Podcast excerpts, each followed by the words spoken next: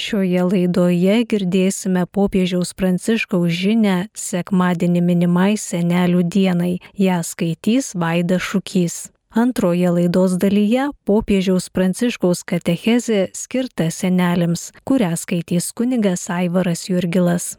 Popiežius pranciškus žinia antrosios pasaulinės senelių ir pagyvenusių žmonių dienos proga. Senatvėje jie neša vaisių. Brangieji, 92 psalmės eilutė Senatvėje jie neša vaisių yra gera žinia, tikra evangelija, kurią galime skelbti pasauliui antrosios pasaulinės senelių ir pagyvenusių žmonių dienos proga. Tai prieštarauja tam, ką pasaulis mano apie šį gyvenimo amžių, taip pat nesutinka su rezignacijos nuostata tarp kai kurių iš mūsų vyresnio amžiaus žmonių, gyvenančių be vilties ir nieko nebesitikinčių iš ateities. Daugeliui senatvė kelia baimę. Jie tai suvokia kaip tam tikrą lygą, su kuria geriau vengti bet kokio kontakto. Seni žmonės mums nerūpi, mano jie. Ir jiems dėrėtų gyventi atokiau, galbūt kartu, įstaigose, kurios jais rūpintusi ir apsaugotų mus nuo jų problemų. Tai atmetimo kultūra. Mentalitetas siūlantis mums silpnesniųjų atžvilgių jaustis kitokiais, nepažeistais jų trapumo, taip pat leidžiantis įsivaizduoti, kad mes ir jie einame skirtingais keliais Tačiau iš tikrųjų ilgas gyvenimas, kaip moko šventasis raštas, yra palaiminimas, o seni žmonės nėra atstumtieji, nuo kurių reikia atsiriboti, bet gyvi Dievo, dovanojančio gyvenimo apstumą, palankumo ženklai. Palaiminti namai, kur rūpinamasi senu žmogumi. Palaiminta šeima, kuri gerbė savo senelius Senatvė iš tiesų yra laikotarpis, kurį nelengva suprasti net ir mums, kurie jį jau išgyvename. Nors ji ateina po ilgos kelionės, mūsų niekas jai neparuošė, atrodo, kad ji mus užklupo netikėtai. Labiausiai išsivyščiusios visuomenės daug lėšų skiria šiam gyvenimo etapui, tačiau nepadeda jo įprasminti. Jos siūlo pagalbos planus, bet ne gyvenimo viziją. Dėl to sunku žvelgti į ateitį ir suvokti siektiną perspektyvą. Viena vertus esame gundomi nuvyti senatvės slėpdami raukšles ir apsimesdami, kad vis dar esame jauni. Kita vertus, atrodo, kad viskas, ką galime padaryti, tai gyventi nusivylę, susitaikę su mintimi, jog nebegalėsime nešti vaisių. Pasibaigus darbiniai veiklai ir kai vaikai tampa savarankiški, išnyksta motyvai, anksčiau skatinę skirti tiems dalykams daug energijos. Supratimas, kad mūsų jėgos silpsta arba prasidėjusi lyga gali pakirsti mūsų saugios tikrovės pagrindus. Atrodo, kad pasaulis su savo greitu tempu, nuo kurio mums sunku neatsilikti, nepalieka jokių alternatyvų ir lenkia mus susitaikyti su mintimi, kad esame nebereikalingi. Todėl psalmės malda kyla į dangų. Neatstumk manęs senatvėje, mano jėgoms senkant, nepalik manęs. Tačiau toje pačioje psalmėje, kurioje minimi viešpaties buvimo ženklai įvairiais gyvenimo laikotarpiais, kviečiama ir toliau viltis. Atėjus senatviai ir pasirodžius žiliems plaukams, jis vis tiek mums dovanos gyvybę ir neleis, kad mus įveiktų blogis. Pasitikėdami juo, galime rasti jėgų dar labiau šlovinti ir suvoksime, kad senatvė nėra tik natūralus kūno nykimas ar neišvengiamas laiko bėgimas, bet ir ilgo gyvenimo dovana. Senti nėra pasmerkimas, tai palaiminimas.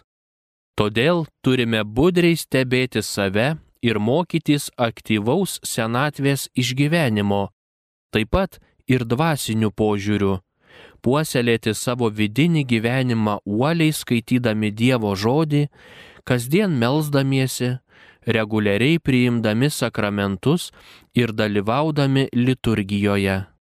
Mums reikia puoselėti ryšį su Dievu, o drauge ir santykius su kitais žmonėmis, pirmiausia su šeima, vaikais, anūkais, kuriems turėtume dovanoti savo meilę ir rūpestį, taip pat su vargšais ir kenčiančiais žmonėmis, būdami jiems artimi konkrečia pagalba ir malda.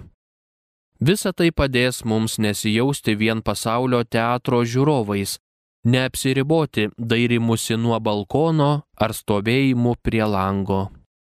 Jei vietoj to sieksime didesnio jautrumo, kad išvelgtume viešpaties akivaizdą, būsime kaip vešlus alyvmedis augantis Dievo namuose, galėsime tapti palaiminimu tiems, kurie gyvena šalia mūsų. Senatvė nėra bergždžias reikalas, kai nustojama irtis pirmin, bet metas, kai vis dar galime duoti vaisių. Mūsų laukia nauja misija, kviečianti žvelgti į ateitį. Mes, seni ir pagyvenę žmonės, galime itin jautriai pastebėti žmogiškumą puoselėjančias apraiškas, atidumą, mintis bei jausmus ir tai turėtų tapti daugelio pašaukimu. Tai bus vyresniųjų pasirinkta meilės nuostata naujųjų kartų atžvilgių. Tai mūsų indėlis į švelnumo revoliuciją, dvasinę ir neginkluotą revoliuciją, kurios veikėjais kviečiu tapti jūs, brangus seneliai ir pagyvenę žmonės. Pasaulis išgyvena didelių išbandymų metą kurį iš pradžių paženklino netikėta ir inirtinga pandemijos audra, o paskui karas, pažeidžiantis taiką ir vystimasi pasauliniu mastu. Neatsitiktinai karas į Europą sugrįžo tuo metu, kai nueina karta jį patyrusi praėjusiame amžiuje.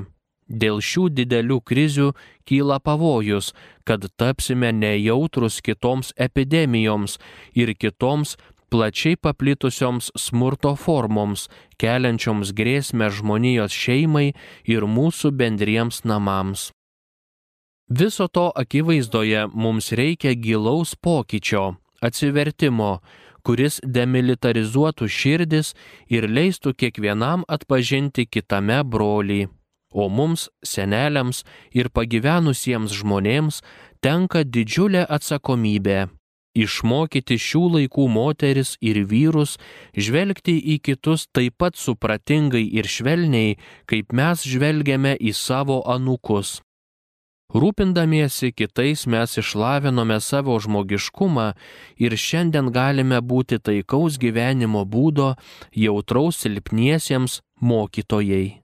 Gal kas nors supainios tai su silpnumu ar rezignacija, tačiau būtent romieji o ne agresyvieji ar išnaudotojai paveldės žemę. Vienas iš vaisių, kuriuos esame pašaukti nešti, yra saugoti pasaulį. Visi sėdėjome savo seneliams ant kelių, buvome jų glėbyje. Tačiau šiandien atėjo metas, kad ant savo kelių, konkrečiai padėdami ar tik melzdamiesi, kartu su savo anūkais priimtume ir daugybę kitų išgazdintų anūkų, kurių dar nepažįstame, kurie galbūt bėga nuo karo ar kenčia dėl jo. Kaip šventasis Juozapas, švelnus ir rūpestingas tėvas, laikykime savo širdise Ukrainos, Afganistano, Pietų Sudano mažutelius. Daugelis iš mūsų išmintingai ir nuolankiai suvokė, ko reikia pasauliui. Negalime išsigelbėti patys vieni, laimė yra duona, kurią valgome kartu. Liudikime tai tiems, kurie save apgaudinėja manydami, kad asmeninį pasitenkinimą ir sėkmę ras konfliktuodami. Kiekvienas net ir silpniausias gali tai paliudyti. Jau tai, kad leidžiamės būti kitų prižiūrimi, o priežiūra dažnai atlieka žmonės iš kitų šalių yra būdas pasakyti, jog gyventi kartu ne tik įmanoma, bet ir būtina. Mielos močiutės ir mėly seneliai, mėly pagyvenusieji moteris ir vyrai, šiame mūsų pasaulyje esame kviečiami kurti švelnumo revoliuciją. Tai darykime mokydamiesi vis geriau naudotis brangiausią mūsų turimą ir mūsų amžiui tinkamiausią priemonę - malda. Ir mes tapkime šiek tiek maldos poetais. Skonėkimės ieškodami savų žodžių, savinkimės tuos, kurių mus moko Dievo žodis. Mūsų pasitikėjimo kupinas maldos prašymas gali daug nuveikti. Jis gali lydėti kenčiančiųjų skausmo šauksmą ir padėti pakeisti širdis. Galime būti nuolatinis didžiulės dvasinės šventovės choras, kur maldavimai ir šlovės giesmės palaiko bendruomenę, besidarbuojančią ir kovojančią gyvenimo laukia. Todėl pasaulinė senelių ir pagyvenusių žmonių diena yra proga dar kartą su džiaugsmu pasakyti. Bažnyčia nori švesti drauge su tais, kuriuos viešpats, kaip sakoma Biblijoje, pasotina gyvenimu. Šveskime kartu, Kviečiu jūs pranešti apie šią dieną savo parapijose ir bendruomenėse, aplankyti pačius vienišiausius pagyvenusius žmonės jų namuose ar prieglaudose, kur jie gyvena. Padarykime tai, kad nie vienas šią dieną nesijaustų vienišas. Tiems, kurie nebesitikė nieko gero iš ateities, dienų perspektyva gali pakeisti mintis apie laukiamą žmogų o iš pirmojo susitikimo gali užsimėgsti nauja draugystė. Lankyti vienišus pagyvenusius žmonės yra gailestingumo darbas mūsų laikais. Prašykime mergelę Mariją, švelnumo motiną, kad visi taptume švelnumo revoliucijos kūrėjais ir drauge išvaduotume pasaulį iš vienatvės šešėlio ir karo demono.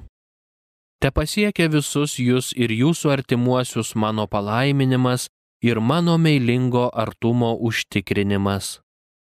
O jūs prašau nepamiršti melstis už mane.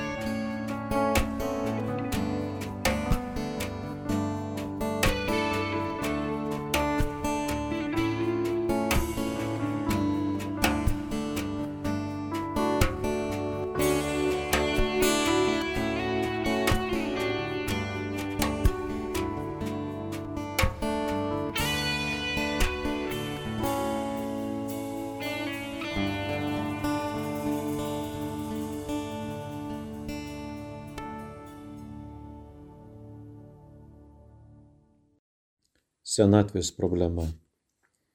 Šiandien katechezės skiriamos vyresnio amžiaus žmonėms, kurie šeimoje yra seneliai, dėdės ar tetos. Šiandien apsvarstysime dabartinę probleminę senų žmonių situaciją, pažvelgsime pozityviau į pašaukimą susijusi su šiuo gyvenimo laikotarpiu. Dėl medicinos pažangos žmogaus gyvenimo trukmė pailgėjo, tačiau visuomenė netapo, kabutėse, atviresnė gyvybei. Senų žmonių smarkiai padaugėjo, bet mūsų visuomenės nepakankamai organizavosi, kad parengtų jiems vietos suderamą pagarbą ir praktiškai atsižvelgdamas į jų silpnumą ir orumą. Kol esame jauni, nesame linkę galvoti apie senatvę tarsi tai būtų lyga, nuo kurios reikia laikytis atstu. Sulaukę senatvės, ypač jei esame neturtingi, lygoti ir vieniši, juntame orientuotos į efektyvumą visuomenės trūkumus, kai seni žmonės ignoruojami. O juk seni žmonės yra turtas, jų negalima ignoruoti.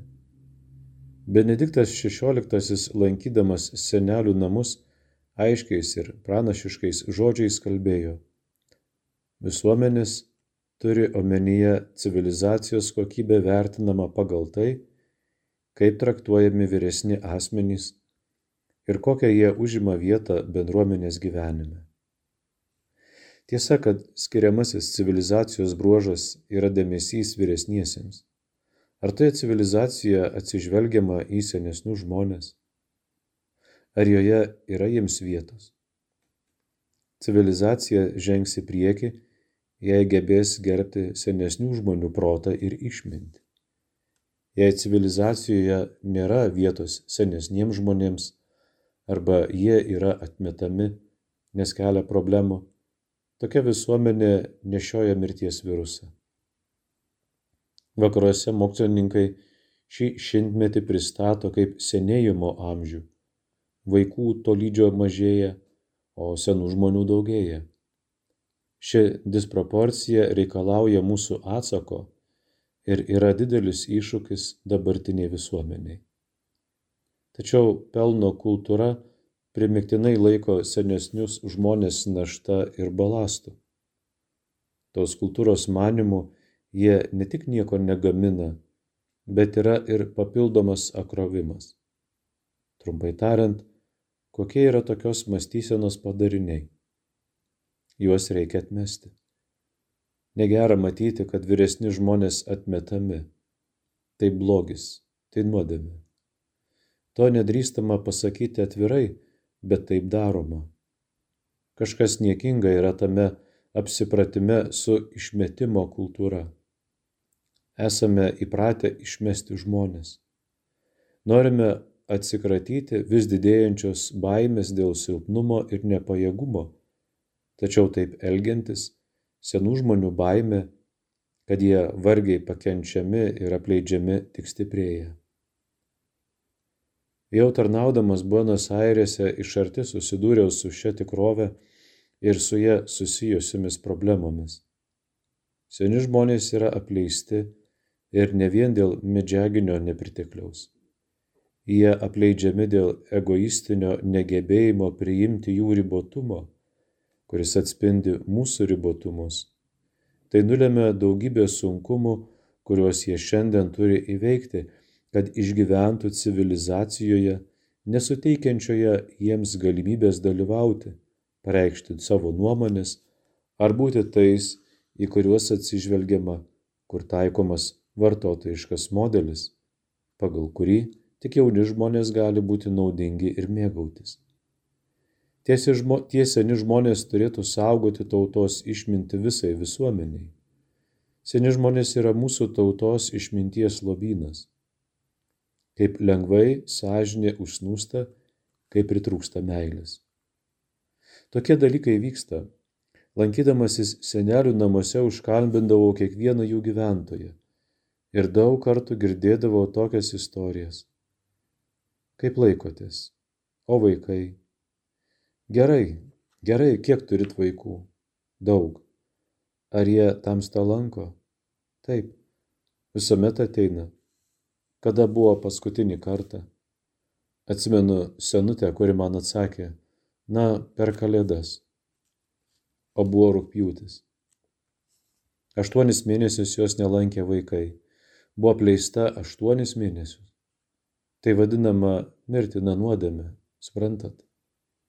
Kai buvau vaikas, mačiutė mums pasakojo istoriją apie senelį, kuris valgydamas apsilaistydavo, net nepataikydavo į burną šaukšto su sriuba.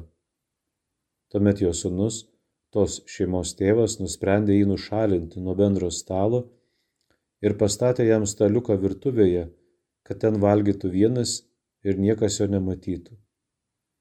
Taip išvengdavo blogio įspūdžio, kai ateidavo pietauti ar vakarieniauti jo draugai.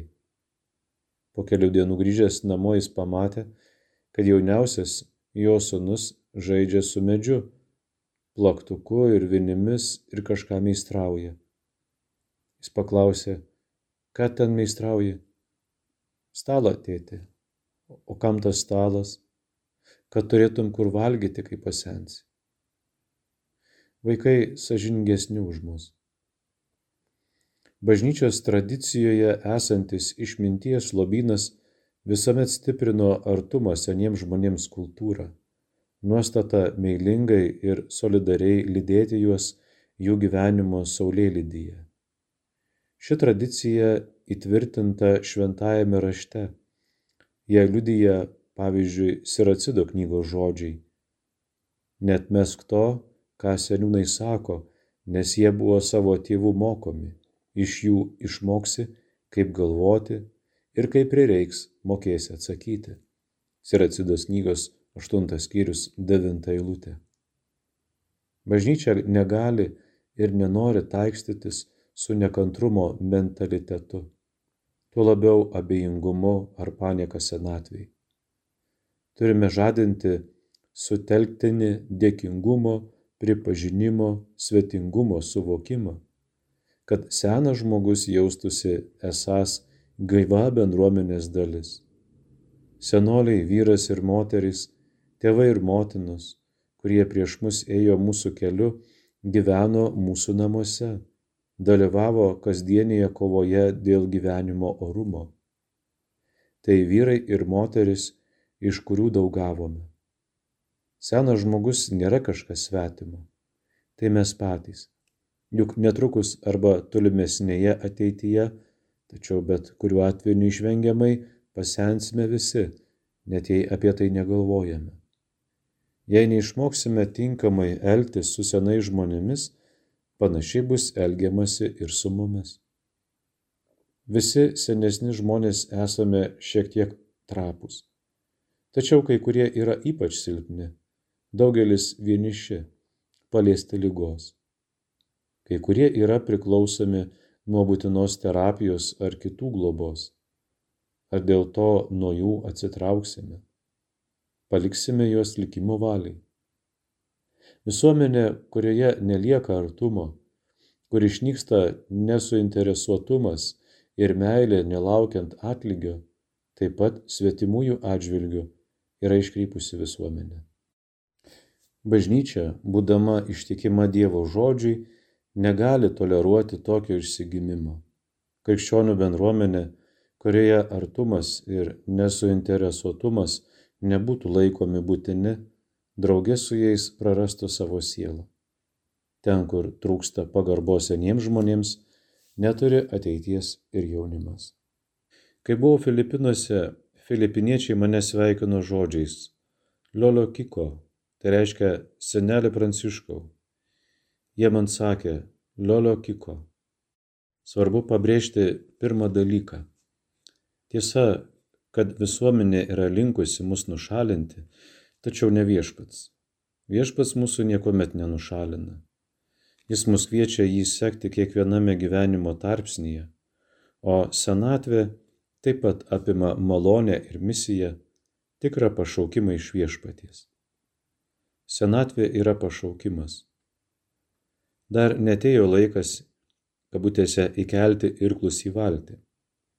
Nebejotinai šis gyvenimo laikotarpis skiriasi nuo ankstesnių tačiau turime iš dalies jį patys išrasti, nes mūsų visuomenės dvasiškai ir moraliai nėra pasirengusios pripažinti šio gyvenimo etapo tikros vertės. Kažkada iš tikrųjų nebuvo įprastas dalykas disponuoti savo laiku. Šiandien tai gauna didesnį mastą. Taip pat krikščioniškasis dvasingumas su tuo susidūrė tarsi nelauktai. Dabar siekiama formuoti pagyvenusių asmenų dvasingumo apmatus. Tačiau ačiū Dievui netrūksta senyvų šventųjų, vyrų ir moterų liudijimų. Man didelį įspūdį padarė pernai šioje Švento Petro aikštėje minėta senelių diena. Aikštė buvo pilna žmonių. Klausiausi istorijų pagyvenusių žmonių, kurie angažuojasi dėl kitų klausiausi istorijų sutuoktinių porų, kurie sakė, švenčiame santokos penkiasdešimtmetį, švenčiame santokos šešiasdešimtmetį. Svarbu tai parodyti jauniems, kurie greitai pavarksta. Vyresnių žmonių ištikimybės liudijimas yra svarbus. O šioje aikštėje tą dieną jų buvo labai daug. Ta apmąstymą reikia tęsti tiek bažnyčios, tiek pilietinės visuomenės aplinkoje. Evangelija mums siūlo gražų įvaizdį, kuris jaudina ir stiprina. Tai Simeono ir Onos figūros, apie kurias pasakoja Jėzaus vaikystės Evangelija surašyta Švento Luko. Tai tikrai seni žmonės. Simeonas buvo veikiausiai senyvas. Taip pat pranašė Ona sulaukusi 84 metų. Ta moteris neslėpė savo amžiaus. Evangelija pasakoja, kad jie kasdien labai ištikimai laukia Dievo ateimo daug metų. Labai troško išvysti tą dieną, išvelgti ženklus, pajusti pradžią. Galbūt jie buvo ir šiek tiek susitaikę su mintimi, kad teks numirti to nesulaukus. Vis dėlto tas ilgas laukimas pripildė visą jų gyvenimą ir jie neturėjo svarbesnių užsiemimų, kaip tik laukti viešpaties ir melstis. Tačiau kai Marija su Juozapu atvyko į šventyklą įvykdyti įstatymo reikalavimo, Simeonas ir Ona tuoj pat sujudo įkvėpti šventosios dvasios. Palyginti Luko Evangelijos antros skyrius 27 eilutę. Per vieną akimirką išnyko amžiaus ir laukimo našta. Jie atpažino kūdikį ir atrado naujų jėgų naujai užduočiai - dėkoti už šį Dievo ženklą ir liudyti apie jį. Simeonas spontaniškai gėdojo džiaugsmo himną. Palyginti Luko Evangelijos antras skyrius nuo 29 iki 30 eilutės. Tuo metu jis tapo poetu, o Ona pirmąją Jėzaus kelbėją. Kalbėjo apie kūdikį visiems, kurie laukia Jeruzalės išvadavimo. Luko Evangelijos antras skyrius 38 eilutė. Brangus seneliai, brangus pagyvenę žmonės, sekime šių ypatingų senolių pėdomis. Ir mes tapkime šiek tiek maldos poetais. Skonėkime ieškodami savo žodžių, savinkime tuos, kurių mus moko Dievo žodis. Senelių ir pagyvenusių žmonių malda yra didelė dovana bažnyčiai. Senelių ir pagyvenusių žmonių malda yra dovana bažnyčiai, tai turtas. Tai taip pat didelė išminties injekcija visai žmonių visuomeniai. Pirmiausia tiems, kurie pernelyg užsiemę, pernelyg įsitraukę, pernelyg išsiblaškę. Vis dėlto kas nors turi taip pat už juos šlovinti, gėdoti apie Dievo ženklus, skelbti Dievo ženklus, melstis už juos. Pažvelkime į Benediktą XVI, kuris nutarė praleisti paskutinį savo gyvenimo laikotarpį melzdamasis ir klausydamasis Dievo. Tai gražu. Didis praėjusio amžiaus tikintysis Olivier Klementas priklausęs ortodoksų tradicijai sakė, civilizacija, kurioje žmonės nesimeldžia, yra civilizacija, kurioje senatvė nebeturi prasmės. Tai baisu.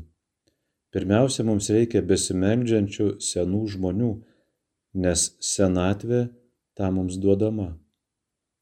Mums reikia besimeldžiančių senų žmonių, nes senatvė mums duota būtent dėl to. Senų žmonių malda yra gražus dalykas. Galime dėkoti viešpačiai už gautas geradarybės ir užpildyti jį supančią nedėkingumo bedugnę. Galime maldoje užtarti naujų kartų lūkesčius ir oriai atminti praeities kartų aukas. Galime priminti ambicingiems jaunuoliams, kad gyvenimas be meilės yra bedvasis. Nerimastingiems jaunuoliams galime sakyti, jog ateities baimė įveikiama. Galime mokyti jaunuolius, pernelyg įsimylėjusius save pačius, kad daugiau džiaugsmo teikia davimas nei gavimas. Seneliai ir bačiutės sudaro nuolatinį kabutėse chorą didžiulėje dvasinėje šventovėje, kur maldavimai ir šlovės giesmės paremia bendruomenę, besidarbuojančią ir kovojančią gyvenimo lauke.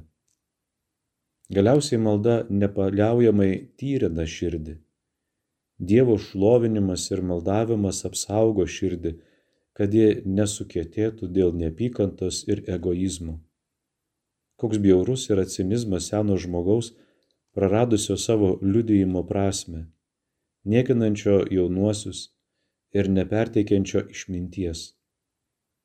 O koks gražus yra pastiprinimas, kurį senasis gali teikti jaunajam, ieškančiam tikėjimo ir gyvenimo prasmės. Tai iš tikrųjų yra senelių misija, senų žmonių pašaukimas. Senelių žodžiai yra ypatingas dalykas jauniesiems ir jie tai žino. Žodžius, kuriuos man užrašė ir įteikė močiutė kunigystės šventimų dieną, tebesinešioju Jie visuomet mano brevijoriuje, dažnai juos skaitau ir man gera. Kaip norėčiau, kad bažnyčia mestų iššūkį atmetimo kultūrai su didžiuliu džiaugsmu, naujai apsikabinant jauniesiems su senaisiais. To aš šiandien ir prašau viešpaties, to apsikabinimo. Girdėjome popiežiaus pranciškaus žinę sekmadienį minimai senelių dienai, kurią skaitė Vaida Šukys. O antroje laidos dalyje girdėjome popiežiaus pranciškaus katechezę skirtą seneliams, kurią skaitė kunigas Aivaras Jurgilas.